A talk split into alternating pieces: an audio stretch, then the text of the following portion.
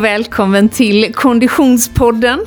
Vi är framme vid avsnitt nummer 21 denna tredje säsong. Och jag som pratar heter Frida Zetterström. Kvällen till ära, för vi spelar in här på kvällen, är vi hemma hos mig. Och i min soffa sitter Oskar Olsson. Hej Oskar! Hej Frida! Hur är läget? Jo men det är fantastiskt bra. Det var ju jätteroligt att för första gången få se hur fint du bor här där du nu bor.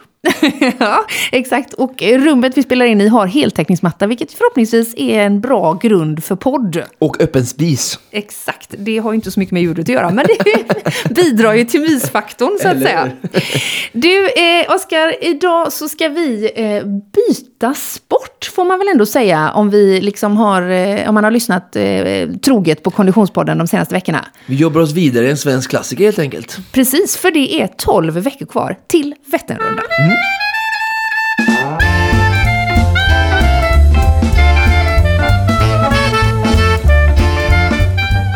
Och vi är så glada att presentera Konditionspodden precis som vanligt tillsammans med vår poddpartner Storytel.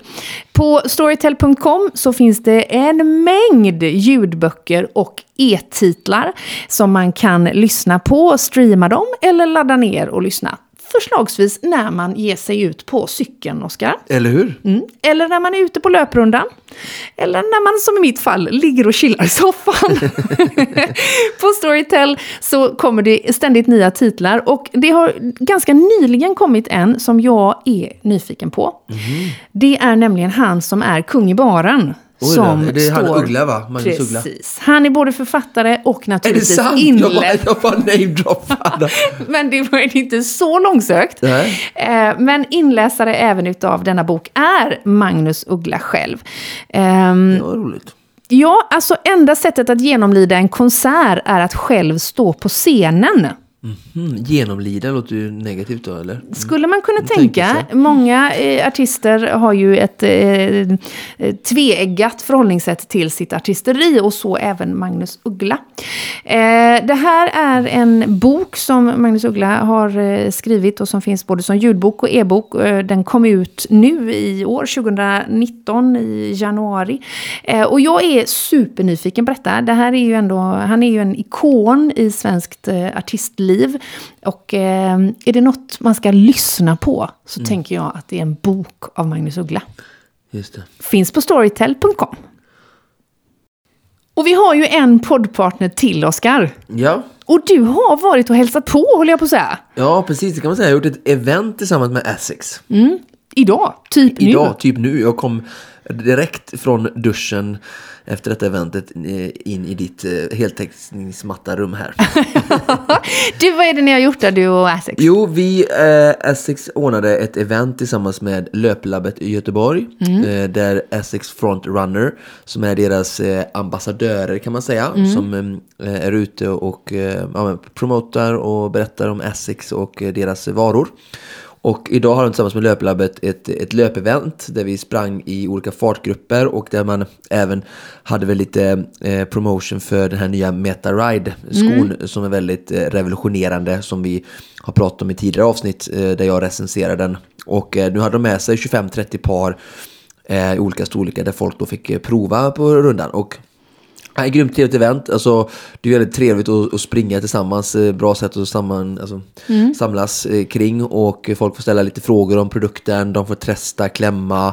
Ehm, ja, alltså, mer sådana event tycker jag att ehm, leverantörer och distributörer borde arbeta med. Och det är ett väldigt bra sätt att integrera med kunden. Så att, eh, jag tyckte det var jätteroligt. Var sprang ni någonstans?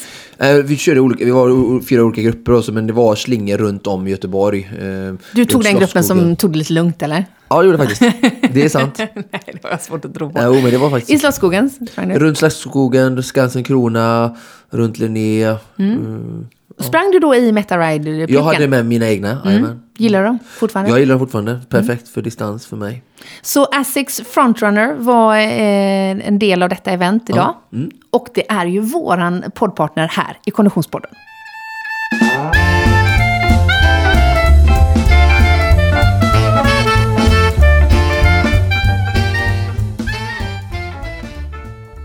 Vi är nu framme vid den bejublade, beryktade, berömda programpunkten Producent Niklas träningsvecka. Hej Niklas! Hello. hur är läget? Jo men tack, bra. Du, den här programpunkten har vi ju hållit liv i i ett antal veckor nu. Den har ökats på. Från början handlade det om att du skulle träna tre gånger i veckan eh, med ett långsiktigt mål att hitta tillbaka till glädjen att träna varje dag. Och för ett antal veckor sedan så eh, eh, tyckte vi läs ni, att det hade gått så himla bra att vi höjde ambitionsnivån till fyra dagar i veckan. Hur har det gått? Ja, men jag har ju varit i eh, värmen här en vecka på semester. Och Just det! Då går det bra. Alltså det, jag, jag, det var nästan varje dag, men inte riktigt. Men eh, det, var, en, det var ändå det här drivet att, eh, ja, det kändes inte långt borta från att vara där. Man Det hade... räknas inte när man är på semester och inte har något jobb och livet kommer emellan. Nej, men jag, jag förstår det. Jag, Även om träningen var väldigt bra som blev av såklart. Ja. men precis. Nej, men, det var, men jag kände ändå liksom att ah, det kan gå. Det kan gå. Det, det kan Okej. gå, men jag är inte riktigt där än. Men Får jag bara leva i Spanien Ja. och vara ledig hela dagarna? Kan det gå? precis. Ja, men så det har varit en bra vecka. Det var eh, löpning, morgonlöpning, det var, man hade ju en fin pool här på hotellet, så det var simning och så var det lite styrketräning. Så det var, det var faktiskt fem riktigt bra pass. Det var ändå imponerande. Du hade inte Moa, du hade inga stakmaskiner på O23 och du hade ingen Edvard i simningen och du lyckades ändå skrapa ihop fem pass. Det var imponerande. Jag hade bara bra Niklas- väder. Niklas har tre väldigt energiska barn å andra sidan. Ja, Ja, men, så vi kan ändå sätta bock i kanten eh, och en, en, kanske en stjärna bredvid också då. ja, jag vet inte om vi ska ta en stjärna, men, men det, var, det var bra. Och det som passar väldigt bra med dagens ämne var ju att i Spanien cyklar man ju hysteriskt mycket. Vi var ju på Kanarieöarna och det var ju cyklister överallt. Så jag fick det här cykelsuget. Och jag har inte haft det på länge, men nu, jag ringde min gamla eh, eh, vapendragare Joakim för detta, din då eh, ersättare, Föregångare. sagt. Föregångare. Just det, precis. Ja, jag är väl originalprogramledare utav Konditionspodden helt enkelt. Ja, så nu sa jag Jocke, nu måste vi ta fram cyklarna. Och han hade ju inte haft ute sin cykel sedan eh, Ironman 2014. Så Så det var punktering på den helt enkelt. ja, så jag tänker att det här cykelpasset kanske ska bli den femte då nu i, i eh, ja. Ah, bra. Framåt. Tänker så. Så jag har, jag har en fråga med nu då till dagens ämne som ni får besvara när jag, Ja. när jag inte pratar. Ja, Hur när du återgår till knapparna. Ja, för det som jag har med mig då från cykelsäsongen eller cykelträningen från Ironman, det var att de var ju så förbannat långa alla de här passen. Alltså det var ju inte, Mm. det var inga 30 minuter, det var inga, alltså det var ju 6 timmars pass varje gång man skulle ut. Och det Mm, känner jag, mm. det kanske jag inte är riktigt än. Men Du, nej. hur långt måste man cykla för att det ska räknas? Ja, bra fråga. Oskar, kan vi svara på den på rak arm? Ja, redan nu. Ja, kör. Jag skulle säga i cykelsammanhang så i alla fall två timmar. Men 90 minuter absolut lägsta. Men Mm. helst upp till två timmar för om vi snackar ett distanspass, zon 2 renodlat. Okej. Vad säger du om det? Ja, Och där Ah, dök okej. den femte träningen denna veckan. ja, men då, Du har ju lördag och söndag du kan välja och sen har du eh, Moa, Edvard och stakpasset. Det är tre och så eh, liksom, det löser du hur lätt som helst. Okej. Ja, men eh, ni får, eh, ni får snacka lite om effektiva eh, cykelpass då. Lite cykelintervaller och sånt. Det får ni ta med in i programmet idag. Vi lovar. More to come. Och jag, jag fick även eh, tillåtelse av eh, Joakim där att dela hans eh, trainer-vurpa. Jag tänker det kan ju vara bra ingång här på cykelsäsongen. Så vi, den kan vi ju se fram emot och Trainerträning är ju faktiskt väldigt bra, jag ska återkomma det senare också i avsnittet. Men var någonstans kommer du att publicera den här extremt roliga och välsedda filmen när han trillar av Ja. sin trainer i sitt arbetsrum bokstavligen? Ja, men jag tänker vi lägger den på Instagram här eller Facebook kanske. Och Ja, bra, bra. stackare. Jag tror nog ändå att för att våra älskade Konditionspodden-lyssnare så får vi förklara lite grann vad det är vi pratar om. En trainer-vurpa. Ja, vi var ju inne på det här när jag grävde i arkivet här för några veckor sedan och eh, letade inspiration i mina gamla eh, synder. Och då hittade jag ju Mm. bland annat då den här cykelfilmen där jag sitter på en båt och cyklar. Just precis, den Ja. har vi redan publicerat på Ja. Facebook. Precis, och, och i samma eh, arkiv så hittade jag även då Joakims eh, trainervurpa. Där han så sitter på en trainer i sitt arbetsrum och eh, cyklar vält. Just och slår, och slår huvudet i skrivbordet, måste jag tillägga där. Jag tycker lite, lite, lite synd om honom, men eh, eh, sevärt klipp. Ja. Och då, då frågan uppstår om man verkligen behöver även hjälm, inte bara ut trafiken utan även när man sitter på sin stationära cykel hemma. Ja, mycket bra. Men eh, producent Niklas, eh, eh, eh, grattis till eh, god genomförd träningsvecka. Tack ska ni ha. Ja, och eh, Oskar, som sagt, vi har, eh, vi ska inte säga att vi har bytt sport, för vi har ju alla sporterna eh, ajour hela tiden. All konditionsträning är relevant, men eftersom vi under den här säsongen lite grann följer en svensk klassikerschema, att vi tror väl att du som lyssnar skulle kunna vara i det, den fasen också, så har vi nu börjat fokusera på det som går på två hjul, nämligen cykelträning. Ehm, jag sa tidigare, det är 12 veckor kvar till Vätternrundan. Ehm, kan man liksom på något kort och smidigt sätt summera hur man ska lägga upp sin träning inför Vätternrundan om man liksom kommer på idén nu?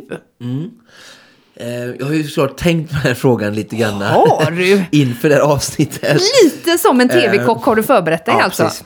Och eh, i respekt för att vi kanske har eh, lite nya lyssnare inför detta avsnittet så behöver jag repetera mig själv lite. Mm. Och säga att eh, ni får ta mitt svar med en nypa salt eh, baserat på att det är svårt för mig att ge en, en individuell rekommendation som gäller alla våra lyssnare eftersom jag inte vet målsättning eller förutsättningar och eh, framförallt eh, hur mycket tid de har att lägga. Eh, men något slags minimum för de som ska genomföra Vättern- Vätternrundan tog jag ändå fram. Sen kan jag, ska jag försöka avsluta med lite kompletterande träning eller add-on på detta. Så då landade jag i tre stycken träningspass. Eh, och varför har jag tre träningspass? Jo, för att jag tycker att det är ett minimum för att någonstans eh, kunna genomlida Vätternrundan med en trevlig upplevelse. Ja. Och sen så känns det rimligt för en eh, två, tre, fyrbarns förälder i Sverige att kunna ändå, ändå få till Ja, ja, på sin fritid. Alla fyrbarnsföräldrar out there, det har inga ursäkter längre. Nej, nej, men om vi kan jobba här och spela in podd klockan nio en tisdag så kan man ju köra trainerpass eh, klockan nio också. Oh ja, oh, Oh ja. ja. Eh, nej, så det, det är bara möjligheter med allt här i livet. Och eh, då är det tre pass jag har landat i med tre olika fokus och de eh, hämtar vi ju i, från våra olika zoner. Vi ska inte gå in så mycket i det nu, men vi har gjort det förut. Och eh, då är det eh, zon 2 där vi har distansträning uthållighet. Det ska vara ett pass. Eh, sen har vi ett eh, snabbdistans eller ett, eh, ett tröskelpass i zon 3 plus till zon 4. Ja. Och sen ett VO2 Max-pass där vi bygger eh, kapacitet och motor då. ja. Ehm, Vad är det för, vad, hur, hur, vad är det liksom för eh, Och tidsåtgång på de här? ja, eh, precis. Eh, jag skulle säga eh, 60-90 och sen har vi 120 till eh, upp till eh, 4-5 timmar. Mm. Oj då. Mm. Mm. Och om vi börjar då i ve- veckan så skulle man kunna eh, trycka iväg ett eh, tröskelpass. Man börjar på tisdagen. Ehm, och då har jag sagt som sagt 90 minuter. Och ehm, det är eh, intervaller som, kring de är, alltså zon 4 är ju väldigt speciell, det är ju runt våran tröskel. Den är ganska liten den zonen, den är ju 85-90% av sin maxpuls ungefär. Ehm, och här i början när man kör det här passet så kanske man får vänja sig, nöja sig med 80 till eh, 85 procent. För att eh, man är inte riktigt, muskulärt är man inte riktigt förberedd än. Alltså man är ganska alltså, lokalt muskulärt eh, tränad för cykling för man kanske har på med skidor och löpning under vintern. Vilka muskelgrupper är det primärt då som är eftersatta? Ja, då cykelmusklerna liksom, säte och lår, eh, alltså framsida och baksida lår. eh, Som inte är vana i den rörelsen helt enkelt. Och eh, så att då, då kanske man får justera ner det lite. Eh, alltså att, att man får nöja sig med att pulsen inte riktigt kommer att komma upp i målzonen så att säga. Just det. Eh, och de passerna eh, kan man gärna också även laborera lite med kadens. Eh, man kan börja... betyder det? Ja, att man har låg kadens, alltså det är eh, rates per minute, alltså hur många varv s- pedaltag du tar per minut. Ehm, och man brukar prata om styrkeintervall i cykeln. Så att de första fyra veckorna av de här 12 så skulle det här passet kunna innehålla lågkadensarbete. Ehm, mellan 40 till eh, 70 kadens. Som man varierar mellan. Och intervallerna ska ha en eh, totaltid på någonstans mellan 30 till 50 minuter kan vi säga. Alltså effektivt intervalltid. Sen har du ju vila däremellan. Ehm, och ratiot brukar vara kanske en fjärdedel av arbetstiden är vila. Nu var det lite grekiska igen. Vad sa du? En Ratio? ration, alltså förhållandet mellan arbete och vila. Så ska vilan på de här intervallerna vara ungefär 25 procent. Okej. Mm. Så kör du 12 minuter så delar du 25 så får du 3 då. Så det som ska vara vilan då är 3 minuter. Så då har man liksom grundförutsättningarna. 30 till 50 minuters total intervalltid på passet. Vilan då en 25% av arbetstiden. Och sen har du uppvärmning 15 och- minuter och, 20 och nedvärmning, nedvärmning 15-20 minuter. Så då får du ungefär 90 minuter. Eh, Så det är ett bra pass och som sagt eh, jobba med lågkadens i början av, av, av, eh, av perioden, de här 12 veckorna. Och sen när du kommer de andra sista åtta veckorna så gå över i en mer tävlingsspecifik kadens vilket är kanske 82, 85 upp till 100 eh, beroende på individer. Då. Ehm, så det blir mer tävlingsspecifikt då.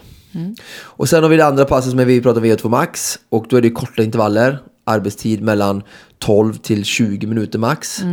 Ehm, hög intensitet, alltså så- här är det så hög puls eh, man kan nå i princip. Eh, så många minuter i zon 5, alltså över 90% av din maxpuls är, liksom, är målet. Och ju fler minuter du kan få i zon 5, ju större träningseffekt har du fått. Ja. Når du inte det så är det två saker som oftast som beror på. Det ena är att du är inte eh, tillräckligt utvilad. Det kan vara sömn eller att du har liksom, tränings... Eh, alltså icke helt återhämtad från tidigare träning. Eh, eller att du eh, inte är lokalt anpassad än. Alltså att eh, det är svårt att komma upp i hög puls på cykel i början när man drar igång med, med cykelträning. Just att det Mm. Ja, kräver det måste det ju vara veckor. eftersom det var svårt redan i, i det tidigare. Ja, ja, ja. Så att, men oavsett så är det som är syftet. Alltså, Ju fler minuter i zon 5 ju bättre är det. Mm, just det. Ehm, så, så det är syftet där och där kan man laborera och låta fantasin flöda allt ifrån 30 sekunder, du kan jobba till exempel 30 sekunder, vila 30 sekunder. Ehm, du kan köra 15, minuter, 15 gånger en minut med en minuts vila. Mm. Du kan köra 4 gånger 4 minuter klassiskt med 3 minuter vila. Ja. Du kan köra 15 gånger 90 sekunder med 30 sekunders vila eller en minuts vila. När, när du beskriver detta så tänker jag ser ju framför mig att man gör det på en träningscykel. Ja. Ehm, Eh, bra, eh, vi ska komma dit. Vi kan komma till eh, det sen. Eh, och sen det tredje passet då blir då på lördagen eller söndagen. Mm. Sen här var på torsdagen, så vi får någon dag emellan. Distanspass då, de är ju uteslutningen lättast för människor att genomföra på helgen. ja. Eh, och då kan vi, för, som jag pratade, gick tillbaka lite med Niklas där, att alltså, cykel är ändå relativt låg belastning på kroppen och man klarar ganska mycket. Och sen också är det ju så att cykel, de flesta cykellopp är ju ganska lång tid. Så att många människor som tränar för ett cykellopp behöver ju alltså, få upp distansen för att det, det är ju det som, alltså man får ju alltid kolla träning, när man bestämmer sin träning så får man kolla vad det är för krav som tävlingen ställer på mig. Och om man bara cyklar distanspass då som Niklas verkar ö- önska här i sin fråga 60 minuter då, Ja. om man ska cykla ett längre tävling på 4-5 timmar så blir ju 60 minuter liksom för dåligt. Ja. Om man tänker på kravet som ställs på hans kropp på tävlingsdagen. Så att, eh, men man kan ändå börja med två timmar och sen så kan jag säga att vi kan under de här 12 veckorna öka med 30 minuter i veckan då. Börja med två timmar som det långa distanspasset och öka på med 30 minuter i veckan. Då har man ju cyklat väldigt långt när efter 12 veckor. Mm, Efter åtta veckor så har du fått fyra timmar till. Då är du på sex eh, veckor. Eller så är det sex timmar. Och jag skulle ändå komma rekommendera att man ska, liksom, det, det är två veckor kvar då. Eh, så ska man ha gjort sitt sista långpass och eh, det bör vara någonstans mellan fem och sex timmar. Just det. Och gjort det minst kanske helst två, tre gånger. Med tanke på att de flesta på Vätternrundan kommer få sitta mellan 8 till 12 timmar i sadeln. Eh, så, att, så är det bra att ha gjort några sådana i alla fall. Cykling kräver tid. Ja, precis. Det är ju det. Det är en, det är, en tidskrävande sport. Och det är väl också någonting vi kan skicka ut som är så här att eh, cykling är fantastiskt. Det är fantastiskt i grupp. Det är socialt. Det är trevligt. Man får se mycket.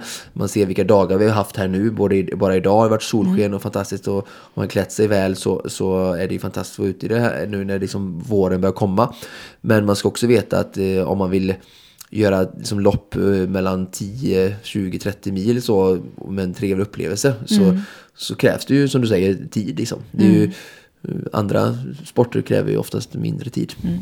Vi kommer naturligtvis prata om cykling många gånger eh, under de här 12 veckorna fram till Vätternrundan. Vi kommer att bli specifika på både utrustning och förberedelser och annat. Eh, men just nu fokuserar vi lite grann på träningen där man befinner sig nu. Eh, Du och- pratade lite om det här med eh, trainer och Ja, precis. Och med distanspasserna alltså, så är det ju absolut fokus att absolut i nio fall av tio sitta på den cykeln du ska tävla. Jo, men det, ja, det förstår ju till och med jag. Att ska Ja. man ut och cykla eh, två, tre timmar här nu första veckorna så är det ju vansinnigt tråkigt att sitta på en träningscykel. Och även eh, de här tempointervallerna då på tisdagen skulle jag också även helst om det går, om man har tillgång till en bra trainer så är det också bra. Alltså ju fler tid du kan göra på din tävlingscykel ju bättre är det. Eh, men det viktigaste är egentligen att du kan mäta effekt i din träning. Och vi ska komma in på effektmätare sen. Eh, men sen när det gäller de här VO2 max-intervallerna, mm. riktigt korta och hårda, då kan det vara så att om du inte har en, en riktigt bra trainer så kan det vara väldigt svårt att liksom, vad ska man säga, alltså hela setupen som vi såg på Joakims film här, att det Jo, jag tror vi måste, vangligt. vi måste bara backa och bara förklara vad en trainer är i relation till att man går på ett spinningpass. En Jag tror trainer, att alla som lyssnar här på oss vet detta, men du vet inte detta. Nej, och då- det är en upphängningsanordning som gör att du kan sitta på din utecykel inne.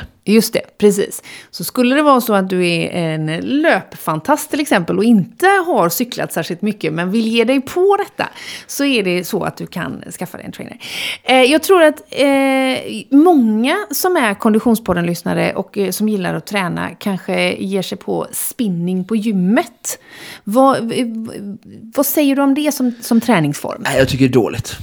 Du tycker det är dåligt? Mm. För att? Nej, men oftast är det, är det liksom inte så bra cyklar. Nej. Och sen så är eh, många spinningspass eh, som inte är anordnade av cykelklubbar eller av liksom, eh, ordnade föreningar så går de ut på att eh, det är mycket jag står upp och flänger och alltså det, jag har varit på några sådana såklart i mina år och det är väldigt mycket fokus på kondition och liksom, eh, att alltså syftet för de människorna som går in där är ju egentligen bara att de ska hålla igång en timme för att de ska hålla hjärtpumpen igång för hälsa. Och det är ju jättebra i sig för att cykling är ju så skonsamt. Eh, så det säger jag ingenting om men jag tror att många av våra lyssnare de vill liksom ha eh, träna inför Vätternrundan och vill ha någon typ av liksom prestation i hela. Då tycker jag man ska om man bara har tre eller fyra pass i veckan att lägga då ska man lägga dem välinvesterade på liksom specifik cykelträning som vi har pratat om här nu. Och inte bryr sig om att man cyklar i någon takt till någon musik och nu är låten slut och slutar intervallen och sen vilan den är liksom inte bestämd för att eh, det beror på något annat. Alltså, Det är inte så här cykelvetenskapligt upplägg där utan det är ett annat fokus som är mer hälsoinriktat vilket är bra såklart. Men jag tror inte det är för dem som, det är inte min rekommendation för dem som vill cykla Vätternrundan på en bra upplevelse och tid. Nej, just det. Men, och och det, det köper jag såklart. Men ur ett konditionsperspektiv, vad säger du om spinning som träningsform då?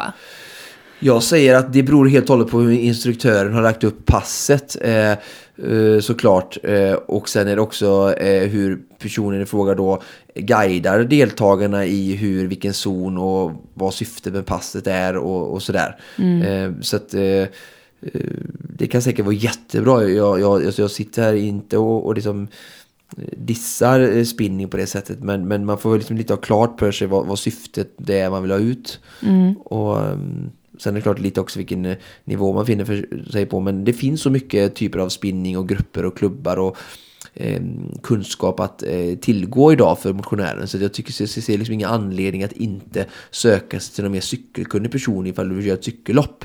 Sen om man bara vill ha bättre kondition för bra hälsa om man är medlem på ett stort gym och eh, går på lite border balance och så går man på lite border combat och så går man lite spinning och så då mixar man runt det. Då är det liksom, det är jättebra liksom för att hålla uppe den allmänna konditionen.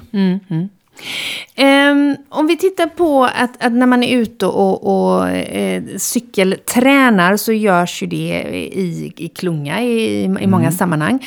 Jag har en, en granne precis här över gatan som inför en, en träning för eh, Vätternrundan för ett antal år sedan cyklade i klunga och som skadade sig rätt allvarligt i en, en olycka. Mm, det vanligt. Ehm, hur pass farligt är det egentligen att cykla i klunga? Alltså, det är inte farligare än att köra bil. Eh, nej, okej. Nej.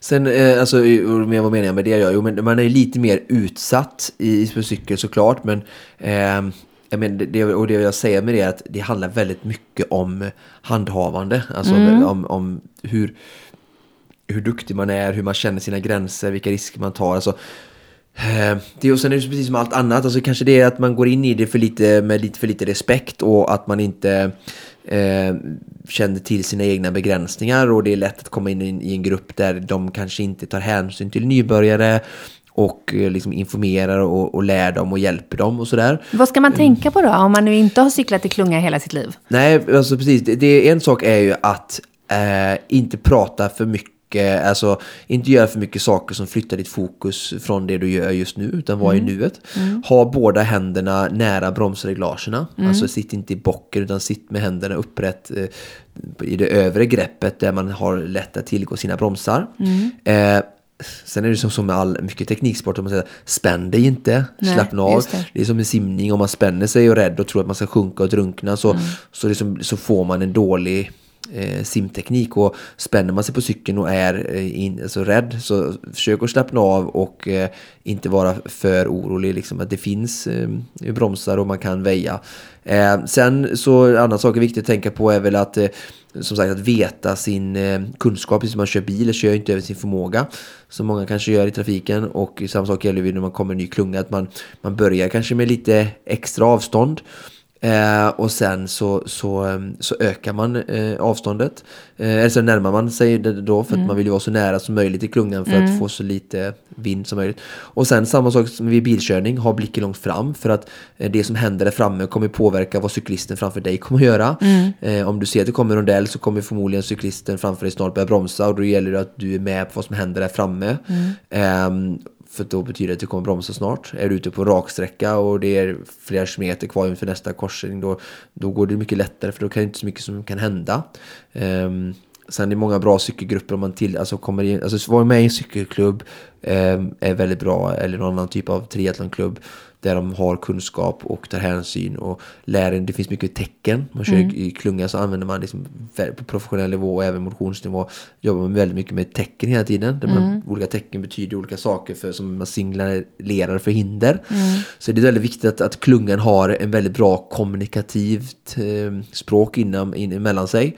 Och, och med, som sagt, det är ju också det är folkvett och med, som biltrafiken att det finns de som inte blinkar, blinkar.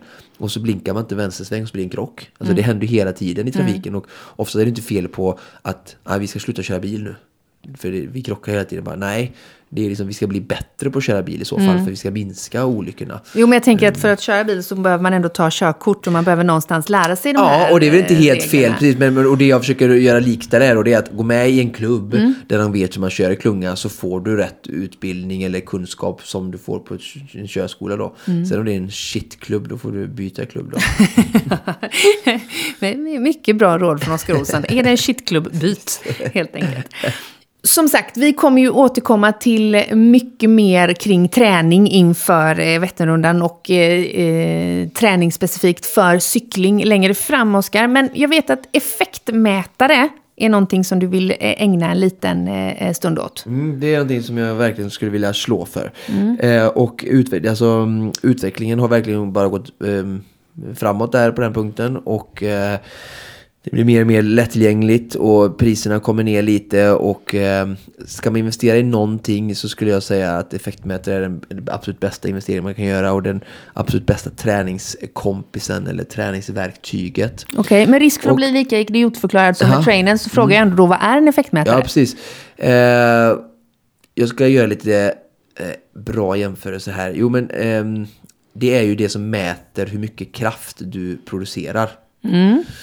Eh, så det säger hur bra du är helt enkelt. Okej. Okay. Och om vi gör ett jämförelse då för att du ska förstå så är det så att om, har du, du har ju sprungit löptränat någon gång. Har du mm. sprungit en mil någon gång? Mm. Um, Fan vad gött att kunna säga ja. Aha. Har du tagit tid på den här milen någon gång? Eh, ja, men det har jag ju lärt mig att jag inte skulle bry mig så mycket om. Nej. Ja. Men vad hade du för tid då? Ja, det kommer jag inte ihåg nu. Men vad ungefär? Du på? Ah, ja, vi, vi, vi, vi, vi, Dra till med något. Ja, men, vad, vad 60 minuter. Ja, säg det då. Ah. Mm. Och då är det ju så att då har vi, om vi tar tid på den givna distansen. eh, då vet jag att du har ju fått ett kilometersnitt. Just det. 6 minuter per kilometer, Mm. 10 kilometer i timmen har du alltså sprungit. Det är ju din prestation Yes. Mm. som, som mäts, alltså mätbarhet. Eh, I en simlängd, alltså i en bassäng, så har, har du ju vet att det är 50 meter. Mm. Simmar fram och tillbaka och simmat 100 meter. Om jag simmar på 1.30 idag, en och en halv minut, simmar jag 1.24, alltså fyra veckor senare. Har jag blivit bättre då? Ja. Ja, sex sekunder snabbare. och det är ju mätbarhet, för det är en given distans. Såklart. Ja. Och på cykel har vi ju inte sånt, för att du kan inte cykla en runda, eh, liksom, för det är alldeles för långt. Eh. Och det är olika saker, vind och väder Som spelar in, roll. ja. Så då får man mäta, för att kunna mäta sin, om man blir bättre så Mm. behöver man ju se så här, idag cyklar jag på 100 watt och i nästa vecka så cyklar jag på 130 watt. Just det. Då har jag ju en högre effekt. Och eh, en annan bra jämförelse är så här att tror du att människor skulle gå till gymmet och styrketräna och så är det ingen som, det står inte på skivorna vad de väger. Just det. Så det blir viktigt att ja, jag kör bicep är det 8 eller är det 48 kilo? Jag vet inte. Mm. Förstår du vad jag menar? Då har man ju också alltså, en, en tränare på ett gym, han ställer ju upp ett program som progresseras där det ökar. Och samma sak på löparen så har vi hastighet, eller är vi ute så har vi GPS-klockor som mäter, mäter och hastighet, precis som det jag var ute efter med din miltid där. Just det. Eh, Så nästa gång du springer ett samma lopp, säger vi i maj i Kungälv, 10 kilometer och du springer på 57. Ja. Ja. men då får du ju liksom svart på vitt att ja, men jag har blivit bättre. Just det. Sen vill du ta med dig den effektdatan då Mm. som du får av det loppet eller den här kilometertiden Mm. eller effektmätaren på cykeln då in i din träning. Mm. Så att du kan lägga det på rätt nivå på de här olika intervallerna. Mm. Så på cykel har vi ju inte, på löpning är det så enkelt. Då behöver man bara köpa en GPS-klocka och så har man den och så, eller så har man ett löpband där du har liksom också hela tiden mätbarhet med dig. Eller i bassängen där du har fast eh, sträcka mellan kaklet. Så att effektmätare mäter alltså hur mycket kraft du kan generera och den säger hur bra du är. Och den hjälper dig att eh, och då har vi en kravprofil som vi brukar prata om i cykelsammanhang. Och den hjälper dig att eh, styra din träning sen då. Så att du liksom kan lägga upp de här tre passen på rätt sätt. Alltså du har pulsen, men sen har du även eh, kraftmätaren som, som, kan, som kan ge dig respons. Och här är en väldigt viktig sak. Eh, vi ska använda det här som träningsrespons. Alltså att om du ser så här, jag körde i zon 4 och så hade jag 130, förra gången hade jag 110, då är jag 20 watt, alltså starkare. Ja. Ja, ja, det går åt rätt håll. Nu kan jag mäta det. Och då vet jag att du gör rätt. Så det är bara att fortsätta på det insprungna spåret. Eh, men man ska alltid titta på datan som respons, inte vara slav under den. Det är väldigt viktigt. Och vad menar jag med det? Jo, att om du tänker så här, jag körde 110 watt förra veckan och nu så kollar jag på mätaren bara på min, kanske på min effektmätare och släpper pulsen. Och bara nu ska jag slå det till vilken, vilket, vilket pris som helst. Och kör du då ett zon 3 eller zon 4 pass så kanske du är sliten den dagen på grund av sömn, stress, eh, träning eh, i dagarna innan, whatever. Eh, för man kan inte alltid liksom slå personbästa på träning. Så, så kanske du är inne i zon 5 i 20 minuter. Så, så kommer du liksom in i en spiral där du kör för hårt. Liksom. Just det. Man ska inte, man ska Släpp inte, man ska inte vara slavisk, nej. Man ska inte vara slavisk på effektmätaren. Utan du ska bara ha den mer som en, en, en, eh, responsmätare eller en guidning under och framförallt efter passet och se att det går framåt. Mm. Just det. Ehm, så att, eh, ja, eh, effektmätare är så bra och viktigt. Och du förstår du vad jag menar där? Liksom, Ja, jämför med absolut. Mm. både GPS-klockan eller du går till gymmet och lyfter vikter utan att veta vad det står Mm. på skivorna. Men, och, och rent, eh, rent utrustningsmässigt då, var, var, var införskaffar jag en effektmätare? Alltså vilken cykelbutik som helst. Gå in och prata med cykelhandlare. Det finns pedaler, det finns vevarmar, det finns, alltså, det finns allt möjligt nu för tiden när de mäter effekt. Och, och även då, det är därför jag liksom också lite eh, inför folk som har lite ambitiösa mål som Vätternrundan, att spinningcyklar som inte mäter korrekt watt och sådär, att verkligen jobba med stationära eh, ergometrar då, som, som Monark som jag har på mitt center eller andra wattbikes och sånt där som verkligen är bra eh, eh, eh, precisa när det gäller vattmätningen. Så att du kan komma tillbaka till samma typ av cyklar, cykla på en viss eh, effekt och så. För vi skulle, alltså de som är av våra lyssnare som är ganska seriösa i sin träning, de skulle inte bara gå ut och köra 6 gånger 1000 meter som vi har pratat om eller nej. 400 meter och så bara så här, du får inte med dig klockan idag. Nej. Du får inte kolla hur fort Nej, nej, nej, jag förstår det. De har inte en aning om de har blivit bättre. Alltså människor vill ju hela tiden ha liksom, mm. feedback. Jag antar att du som gör mycket så här, eh, insändare och skriver och tittar siffror och lyssnar siffror och sådär. Du vill gärna liksom så här, men hur många, hur många lyssnare? Bara, äh, det var tre personer från Molkom som lyssnade på det här avsnittet. Eller var det 300 000? Ja, ja, från, ja, ja. Jag, förstår, jag ja. förstår funktionen och jag tycker framförallt att det är en av eh, de viktigaste punkterna av allt det smarta du sa, Oskar, var att inte vara slav under den under mm. själva träningspasset, utan mm. att eh, använda den kanske mer i sin summering av träning och reflektion mm. i mm. i efterhand. Effektmätare helt enkelt ja. tar vi med oss som en, eh, eh en bra grej. Mm.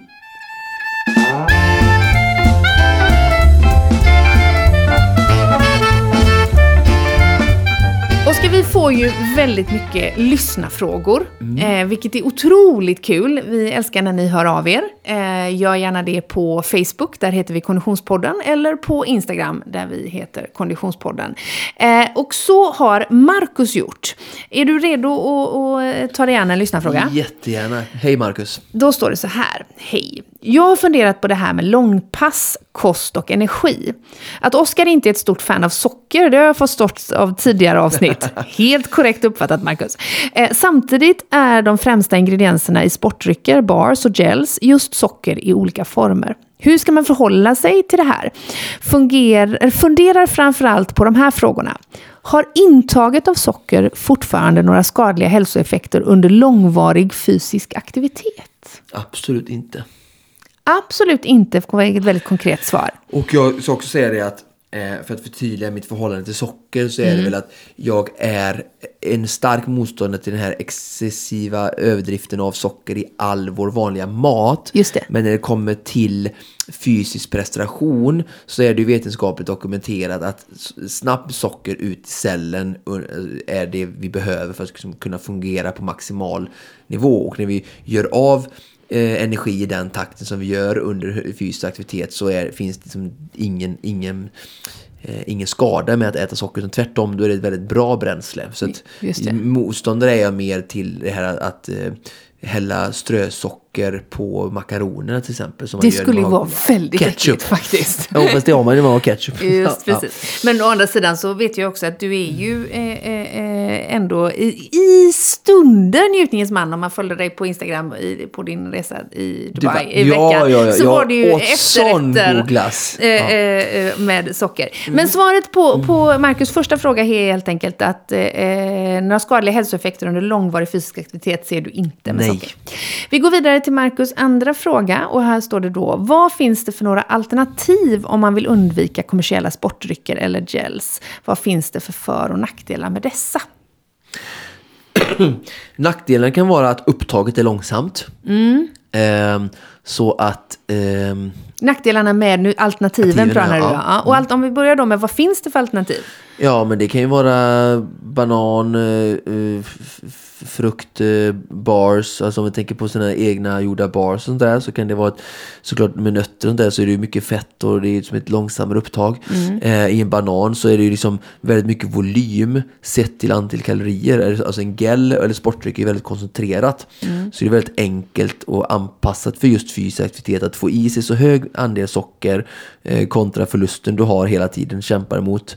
Eh, så, så är det väldigt effektivt. Men då måste du trycka väldigt mycket fler bananer. Då kanske du blir mätt i magen för att det blir som är du med på vad jag menar? Oh ja. Um, så att uh, jag ser egentligen bara fördelar att, att använda kommersiella um, uh, märken för alltså, bra prestation. För de är ju framtagna för, mm. Mm. det är som att säga så här, vad finns det för nackdelar att använda jättedyra uh, vinterdäck mm. för bästa grepp och mm. halka. Ja. Så, så, men, men, om man vill, samtidigt ska jag säga så här att jag kan ändå supporta de som vill äta rent. Eller som jag säga, alltså utan liksom, eh, sackaros och utan liksom, eh, så, så tillsatt socker. Så att, men då gäller det bara att man kanske, och håller man på med lång, lång distans mm. så är ju eh, pulsaktig, alltså pulsnivån är ganska låg. Så att då är det ju inte lika noga med ett högoktanigt bränsle, alltså eller supermycket Nej. socker. Och man kan, eh, eh, det är lättare att smälta maten i en lägre eh, pu- pulszon. Mm. Så då kan ju sådana här hemmagjorda bars eller runekakor och lite sådana saker kanske bara vara bra. Och eh, då, funkar ju allt möjligt med torkad frukt och nötter och mixa och göra egna eh, hemmagjorda bars och ha i, i folie eller vad som helst med sig på, på tävlingen eller loppet. Så det funkar absolut jättebra. Mm. Och sen vet jag att du också är ju naturligtvis en motståndare till att man slentrianmässigt använder de här kommersiella barsen när man inte förbränner Eh, tillräckligt mycket. Verkligen. Eh, Det är ju, är ju ändå ett gissel, tänker jag, att man eh, ser de här barsen säljas och konsumeras på, på gymmet när man har eh, kört eh, 30 och minuter en på timme crosstrainern. träning behövs ju inte någon sportdryck alls. Nej, exakt. Eh, det tror jag, det var Marcus nog helt underfund med, det var inte riktigt Mm. det. Men, men, men eh, vi har en fråga kvar från Marcus och då står det så här. Eh, förra avsnittet pratade ni om Train low, compete high. Mm. Eh, när på säsongen ska man ägna sig åt detta och när är det bättre att träna med stadig energitillförsel istället? För Mm. den som inte hörde Train low, compete high, helt kort, vad var det? Eh, att träna med låga kolhydratsnivåer för att man har sett ökad liksom, träningseffekt och framförallt eh, och utvinning av energi i kroppen, så Mm. fett och fettceller och sådär. Och sen då compete high. Då är det som att då enkelt, man tillsätter man det här och då ska ja. det bli liksom en, blir kroppen bara wow, nu får jag verkligen jättemycket då. Och det här har vi pratat en hel del om och Marcus fråga är då helt enkelt när på säsongen ska man ägna sig åt den här? Jag, vill inte, jag tror att jag nämnde detta men jag ska repetera mig själv då och vara tydlig och säga då att det viktigaste egentligen kan man säga, det är ju svårt att veta hur långt ifrån personen finns men, men jag brukar säga ungefär 6-8 veckor inför tävlingen så ska du senast ha börjat att träna med det du ska tävla på. Just det. Så att till exempel nu, om man har kört lite vintercykling och tränat Vättern lite längre, om alltså många kanske börjar redan i december och tränar oftast, så har de kört kanske en 6-8 sådana längre distanspass med den här eh, teorin då att man eh, kör på tom mage och bara vatten och inte tillför socker. Så att nu om två, tre veckor så, kommer de ju börja, bör de börja, börja hälla i den sportdrycken. De planerar att ha på Vätternrundan så att de får en åtta stycken veckor med eh, bra... stadig energitillförsel. Precis, precis då. Och verkligen lär kroppen att eh, utvinna också då socker under den här givna belastningen. Ehm, som det, och det är återigen då att efterlikna kraven. Så svaret till Marcus fråga är att på, håll på med detta mycket under lågsäsong när det är mycket distansträning och styrka och inte så jättemycket högintensivt. Eh, Då är det inte heller lika noga och när du är långt från tävling. Men sen när du börjar närma dig tävling och intensiteten skrivs upp så vill du efterlikna dina tävlingar på träning. Och då är ju nutritionsdelen en viktig del. Just så då gäller det att börja plocka in den på träningspassen. Så att du tränar på att tävla. Underbart. Tack så mycket för dessa svar. Om du som lyssnar har frågor som du vill att vi tar upp i Konditionspodden, tveka inte att höra av dig. Som sagt, gärna på Facebook eller på Instagram. Oskar, det här var allt vi hade att bjuda på för den här veckan. Är det slut redan? Nu är det slut, nu får du åka hem till dig. Wow! Tack för att du lyssnar. Precis som vanligt produceras Konditionspodden av Fredag. Connecting Brands with People.